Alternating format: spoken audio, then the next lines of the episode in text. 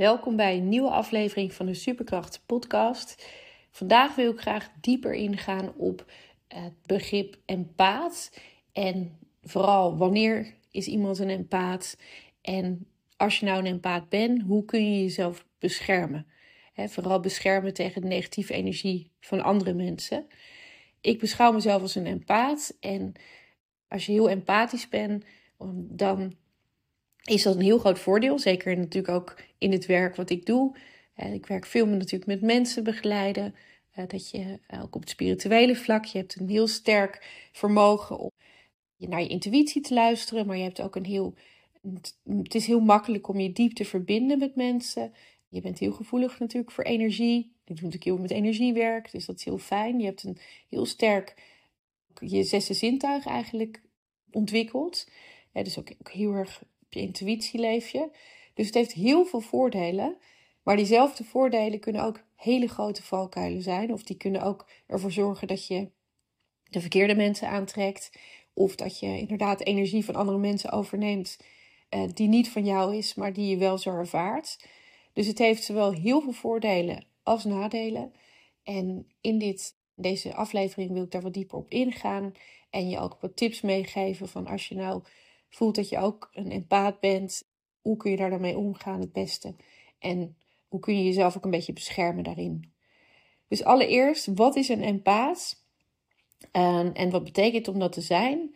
Nou, een empaat is iemand die diep en intens eigenlijk de emoties en energie dus van andere mensen kan voelen.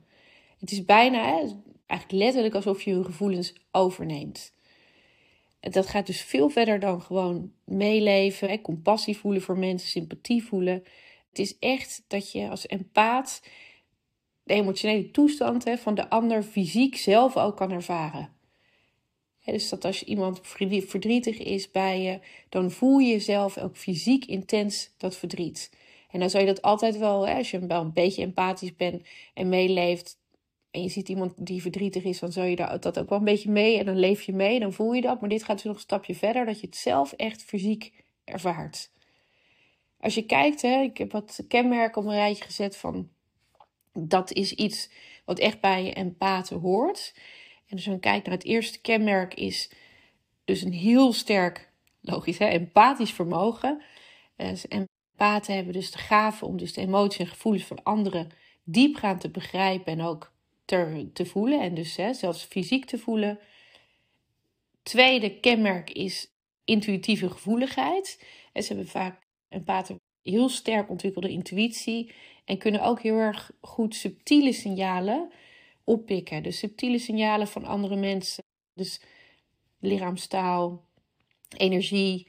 Hè, mensen kunnen wat zeggen, maar dan heb je door dat ze eigenlijk iets anders bedoelen.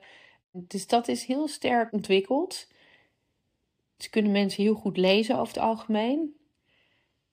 de meeste mensen dan. Er zijn ook bepaalde mensen, daar ga ik dadelijk op. Bepaalde karaktereigenschappen die moeilijker te lezen zijn voor empaten. Maar over het algemeen kunnen empathen mensen heel goed doorzien en lezen. Derde kenmerk is dat ze hele intense emoties ervaren. Hè? Diepe emotionele reacties. Empathen kunnen, eh, als er iets gebeurt, een hele sterke reactie hebben. Dat kan zowel positief zijn als negatief. Ze kunnen heel veel blijdschap ervaren, heel verliefd zijn, heel erg veel geluk ervaren, maar ook heel diep verdriet of heel diep angst of ook boosheid. Dus ze zijn, de emoties zijn vaak wat extremer. Daarnaast is het zo, het vierde kenmerk is dat, ze heel snel, dat het heel snel soms ook te veel kan zijn vooral als je bij veel mensen bent of in een drukke omgeving bent, dan, hè, van een emotioneel intense omgeving, dan kunnen ze makkelijk overprikkeld raken. Dan wordt het snel eventjes veel. Een ander kenmerk is dat empathen een hele sterke verbinding hebben met de natuur. En de voelen dus een diepe connectie met de natuur. En die, wat het is, is dat ze daar echt hun troost en herstel in kunnen vinden. Ik merk het zelf ook altijd als ik me niet lekker voel, dan word ik echt naar de natuur toegezogen. En dan helpt het super goed om even met mijn honden te gaan lopen en even de natuur in. En dan knap ik eigenlijk heel snel op. Ik merk dat ik dan door die kracht van de natuur eigenlijk alweer even dat aarde en gronden en even buiten daar zijn, dat het dan al enorm goed helpt. Natuurlijk helpt dat voor heel veel mensen en niet alleen voor empathen, maar empathen hebben het echt heel sterk nodig, die connectie met de natuur. Daarnaast de zesde kenmerk, dus een hele sterke intuïtie. En ze vertrouwen ook heel sterk op een innerlijke stem en ook op een intuïtie bij het nemen van beslissingen. Als je kijkt, ander kenmerk, zevende kenmerk is, ze hebben heel sterk verlangen om mensen te helpen. En diep verlangen om mensen of dieren te ondersteunen. Het zijn ook heel vaak mensen die inderdaad als coach werken of als therapeut werken. Of inderdaad yogadocent. Of, maar het zijn heel vaak mensen die gewoon een heel sterke missie ervaren dat ze hier zijn om mensen en dieren te helpen. Wat wel zo is, dat doordat ze heel veel geven en ook heel vaak de gevoelens van andere mensen ervaren, hebben empathen wel heel erg veel behoefte aan alone time. En dat is omdat ze gewoon, ze kunnen heel goed sociaal zijn. Ze vinden het heel fijn om met mensen te zijn. Maar ze hebben ook wel dan de tijd nodig om weer op te laden daarna. Dus echt even alleen zijn en weer eventjes resetten en opladen. Dat is heel belangrijk. Daarnaast, laatste kenmerk is ze leven heel erg met een open hart. Een open en medelevend hart. Zo gaan ze eigenlijk door het leven. En dat stelt een empaat ook in staat om hele sterke en emotionele banden met mensen te vormen. Ze gaan ook echt vaak gewoon voor de diepe connectie, voor de echte, authentieke, diepe connectie met andere mensen. En natuurlijk kunnen die kenmerken een beetje variëren, maar over het algemeen is het dus zo dat empathen unieke gevoeligheid eigenlijk hebben, ook voor emoties, maar ook voor energie. de energieën van andere mensen, energie in het algemeen, daar hebben ze een hele sterke antenne voor eigenlijk. Als je kijkt, nou ja, je kan ook voorstellen dat ik dit zo opnoem, dat uh, ik heb al een paar dingen genoemd, hè, dat snel overprikkeld raken. Ehm, en maar ook inderdaad, wat kan gebeuren is dat je de verkeerde mensen aantrekt. Dus er zijn wel wat valkuilen. En enerzijds zijn er heel veel mooie dingen aan empaat zijn, want je kunt inderdaad die diepe connectie met mensen aangaan. Je kunt echt, echt iets betekenen voor andere mensen, dat je ook zo met een open hart leeft en mensen helpt. Maar anderzijds is het, heb je ook echt wel wat valkuilen. Want diezelfde dingen die maken je ook wel kwetsbaar natuurlijk. He, dus inderdaad misschien voor verkeerde mensen. Maar ook dat je soms energie van andere mensen overneemt die helemaal niet van jou is. En dat je bijvoorbeeld makkelijk overprikkeld kan raken. Soms ook dat je jezelf eigenlijk tekort doet. Doordat je te veel energie aan andere mensen geeft. En soms kan je je ook zelfs wel een beetje geïsoleerd voelen vanwege je gevoeligheid. Dus een empaat voelt zo diep dat hij of zij dus ook de energie van andere mensen absorbeert.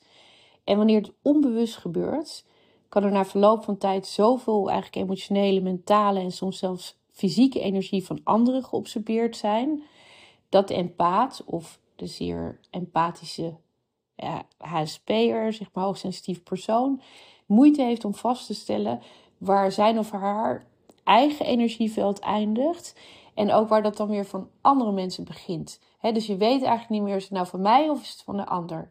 En dat is vooral in periodes dat je ook niet lekker in je vel zit, dat je moe bent, dat je misschien heel erg gestrest bent. Dan kun je zo makkelijk die energie van die andere mensen overnemen dat het heel lastig is om dan te ontdekken, is het nou van mij of is het van de ander?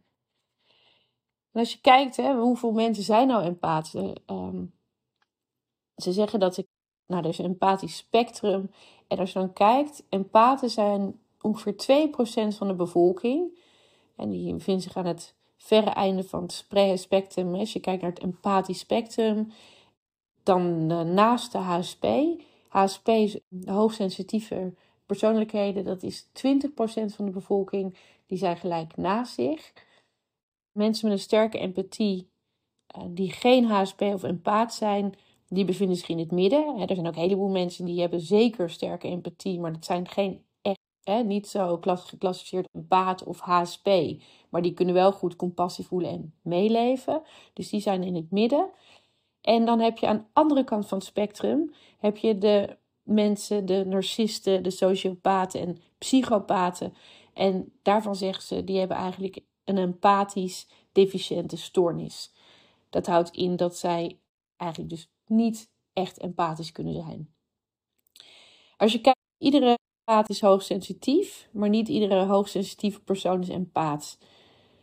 Het struikelblok hè, is dus voor empathen en zeer empathische HSP'ers is dit zich en dat is echt het grote struikelblok. En het grote gevaar is dat ze zich onbewust tot een tegenpolen aangetrokken voelen.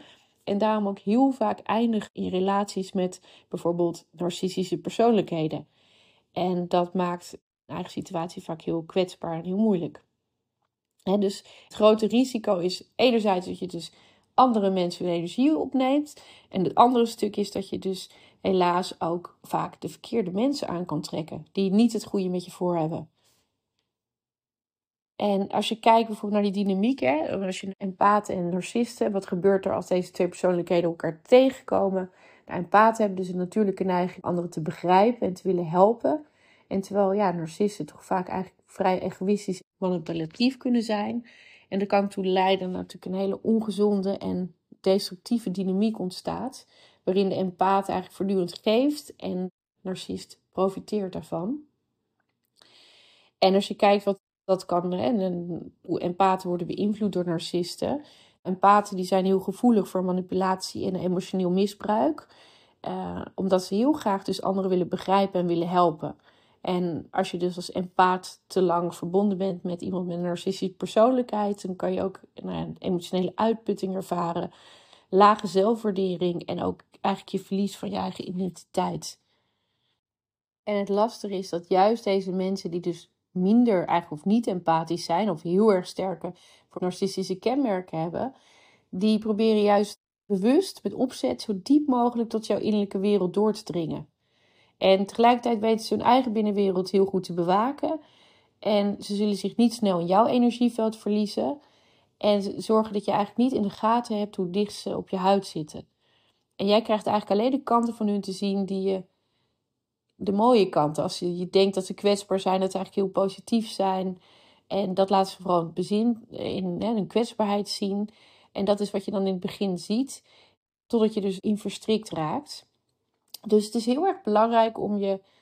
Om dus niet de verkeerde mensen aan te trekken. En het meest belangrijke daarin voor een empath is om dus heel duidelijke grenzen te stellen.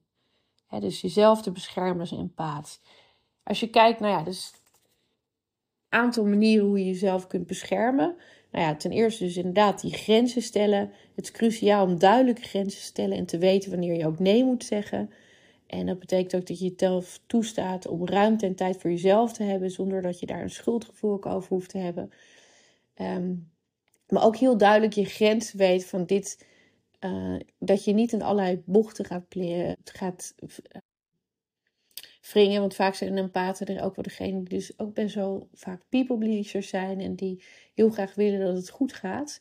Dus heel duidelijk je eigen grenzen van dit is voor mij toelaatbaar, dit is niet. Ander punt hoe je jezelf kunt beschermen is energiebeheer. dus leertechnieken zoals meditatie en visualisatie om je energie te beheren. Dus meditatie kan er heel sterk bij helpen. En dan inderdaad ook met een goede of sterke visualisaties daarbij om jezelf te beschermen tegen die negatieve, negatieve energie van andere mensen. En ook om jezelf in balans te houden.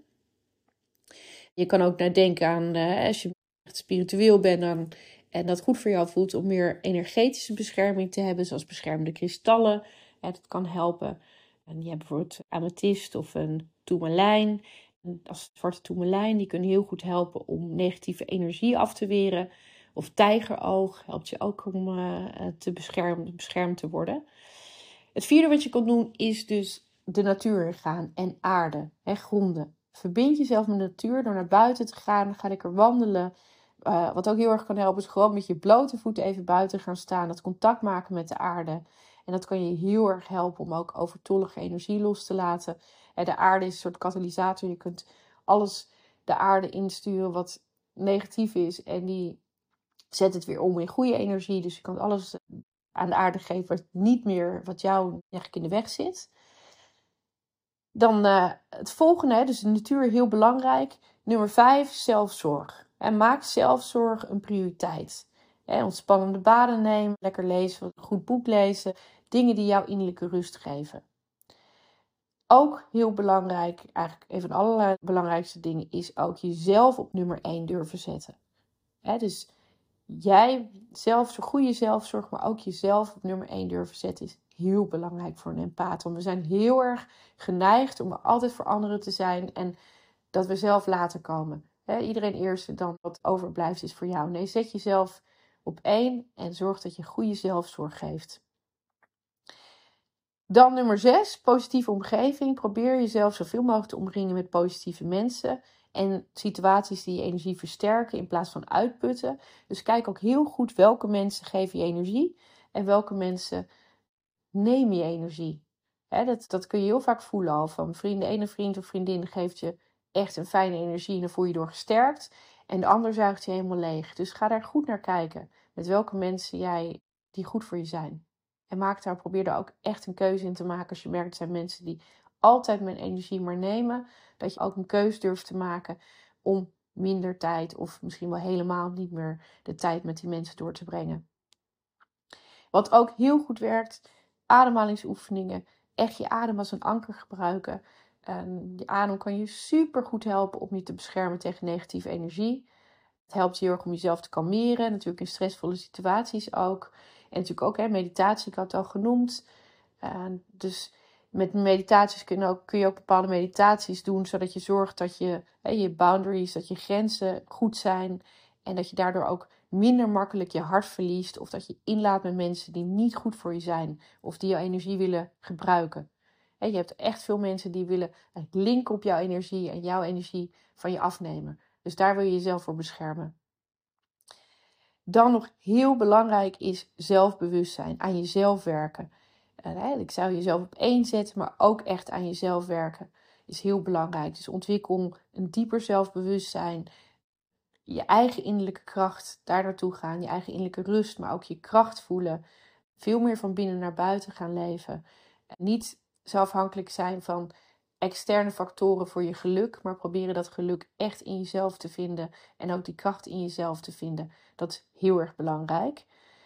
Maar ook dat je goed naar jezelf durft te kijken waarom bepaalde dynamieken en waarom je er elke keer in terecht komt. En ook bekijken hoe kan je dat nou vermijden voor de toekomst. En daarbij is dus ook heel belangrijk om te bedenken welke energie is nou van mij en welke is van anderen in je omgeving. Dus dat is ook een heel belangrijk punt. En daarbij dan ook nadenken van wat voel je of denk je dat verband houdt met je eigen recente of directe ervaringen. En welke energie komt er ook voort uit misschien dingen uit het verleden hè, die je niet verwerkt hebt. Misschien, of misschien zelfs wel vanuit je voorouders of vanuit je ouders. Dus dat je daar ook heel goed naar kijkt. En als je dat beter weet, hè, dan weet, kun je ook makkelijker kennen van nou, dit is wel van mij, dit hoort bij mij of dat komt voort uit mijn verleden. En dit is energie die niet van mij is, die is van, eigenlijk van anderen. Hè, onaangekondigde gasten eigenlijk vanuit anderen. En dat kan je veel beter gaan traceren. Dus hoe beter je jezelf eigenlijk kent en je eigen achtergrond kent, dus je eigen binnenwereld kent, hoe eerder je ook die, hoe eerder je ook erkent van nieuwe energie, van wat is nou van mij en wat is van de anderen, hè, de buitenwereld. Dus dat is heel belangrijk. Besteed heel veel tijd aan je binnenwereld om bij innerlijke kracht te komen, maar ook om dingen te processen uit je verleden en ook te zien van welke dingen trap ik nu elke keer in door oude patronen en te kijken hoe kan ik die patronen doorbreken om mezelf daardoor eigenlijk beter te beschermen. Nou, dat was even vandaag. Ik zal binnenkort ook nog een paar mooie oefeningen delen, mooie meditaties delen, waarbij je ook bijvoorbeeld jezelf kunt beschermen tegen negatieve energie van, uh, van anderen.